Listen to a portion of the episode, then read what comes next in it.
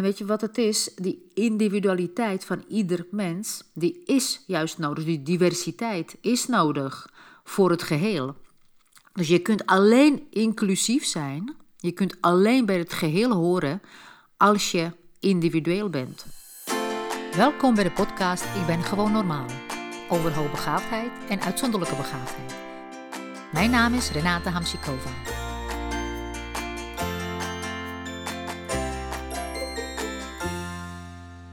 Wil het vandaag met je hebben over onderwijsaanpassing voor hoogbegaafde kinderen. Wat eigenlijk ook te maken heeft, of voornamelijk te maken heeft, met zijn wie je bent. En het begint bij de leerkracht, bij diegene die de onderwijsaanpassing toepast. Want een kind is nog niet zelf toe in staat om erom te vragen, of heeft niet eens het idee wat het nodig heeft. En als volwassenen hebben we de taak om de kinderen te helpen om zoveel mogelijk te zijn en te worden wie ze zijn. En dus onderwijsaanpassing. Het woord aanpassing betekent niet dat het kind zich moet aanpassen, althans niet in de eerste instantie, uh, zo zwart-wit, maar dat de manier hoe we naar kinderen kijken en wat ze nodig hebben, aangepast moeten worden per kind. Want als je kijkt naar de biologische diversiteit hè, en diversiteit in de natuur, um, heb je wel eens een olifant zien aanpassen aan de giraffe? Heb je wel eens een walvis zien aanpassen aan een mier? Heb je wel eens een arend zien aanpassen aan een muis? Wat zou er gebeuren, ook al zou het mogelijk zijn? Ten eerste is het niet mogelijk. Ten tweede, uh, dan zouden die dieren doodongelukkig worden. Maar dan zouden ze ineens iets moeten doen wat ze niet zijn. Ze zouden amper kunnen overleven, omdat hun natuurlijke staat van zijn volledig geschonden is. Uh, dus dat werkt niet. Maar waarom zou het moeten werken met hoogbegaafde en uitzonderlijk begaafde kinderen? Het werkt, of het lijkt te werken, alleen omdat deze kinderen met speciale behoeftes eigenlijk de enige mensen zijn met speciale behoeftes die kunnen doen alsof. Ze hebben intellect om zich aan te passen, om zich kunnen aan te passen, maar dat betekent niet dat ze dat moeten gaan doen.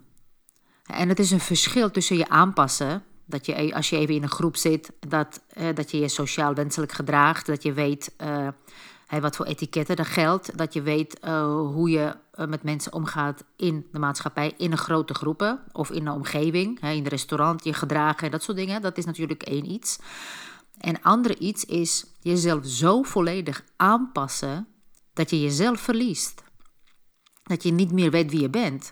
Dat je eigenlijk een giraffe bent, maar je moet je hele leven lang als een olifant gedragen. Je moet je hele leven lang een jasje van een olifant dragen.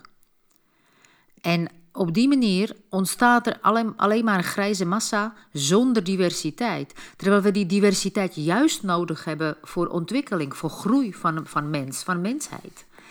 En zoals er in de, de natuur biologische diversiteit vreselijk belangrijk is, omdat uh, anders de natuur in elkaar stort, zo is het bij mensen ook. Dus die diversiteit is vreselijk belangrijk aan één kant voor het ontwikkelen van het geheel van ons als mensheid. En verder is het een persoonlijk drama voor ieder individu dat niet uh, mag zijn wie het is. Dat is uitsluiting en discriminatie.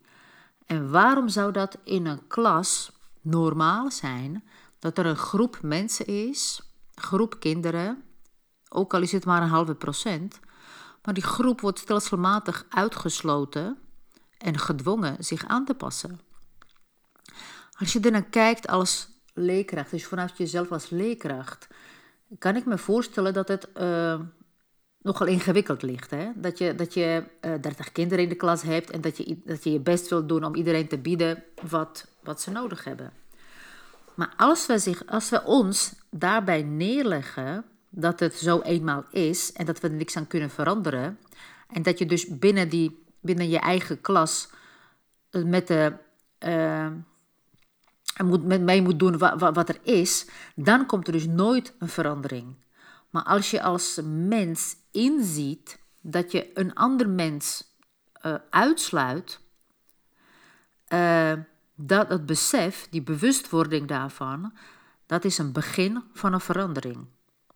En het is nog niet een hele grote verandering, misschien in uh, aantallen leerkrachten en, uh, aantal, uh, en de kwaliteit van de scholing van leerkrachten, maar het is je eigen persoonlijke bewustwording waar een verandering geïnitieerd kan worden en waardoor een grotere veranderingen kunnen plaatsvinden. Dus het begint bij jezelf als persoon, dat je beseft dat je elk mens als individu ziet los van administratieve processen en los van uh, methodes en uh, los van allerlei scores en verantwoording naar leerplicht en naar onderwijsinspectie en al dat soort instellingen. Dat zijn allemaal administratieve handelingen. En de administratieve handelingen die zijn er gemaakt eh, om een grotere groepen be, beheersbaar te maken, maar die zijn niet gericht op het individuele ontwikkeling. En weet je wat het is? Die individualiteit van ieder mens, die is juist nodig. Die diversiteit is nodig voor het geheel. Dus je kunt alleen inclusief zijn, je kunt alleen bij het geheel horen als je individueel bent.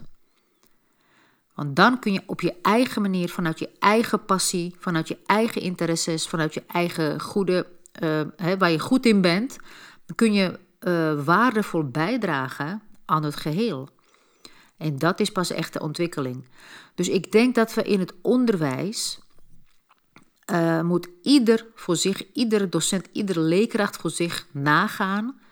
In hoeverre ben ik klakkeloos aan het volgen wat mij opgedragen wordt en doet wat van mij verwacht wordt? In hoeverre ben ik geconditioneerd om op een bepaalde manier naar kinderen te kijken?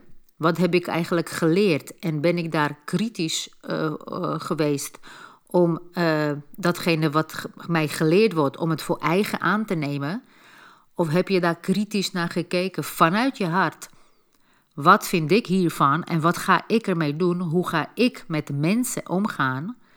Ga ik met mensen omgaan zoals geconditioneerde robot en aan de verwachtingen van administrateurs voldoen? Of ga ik spiegelen in menselijkheid? Ga ik naar dit kind dat met zijn knuffel naar, op school komt, dat met zijn tasje daar in de klas zit, dat met zijn tekening dol enthousiast naar mij toe komt rennen? Ga ik dat kind als mens zien, als individu?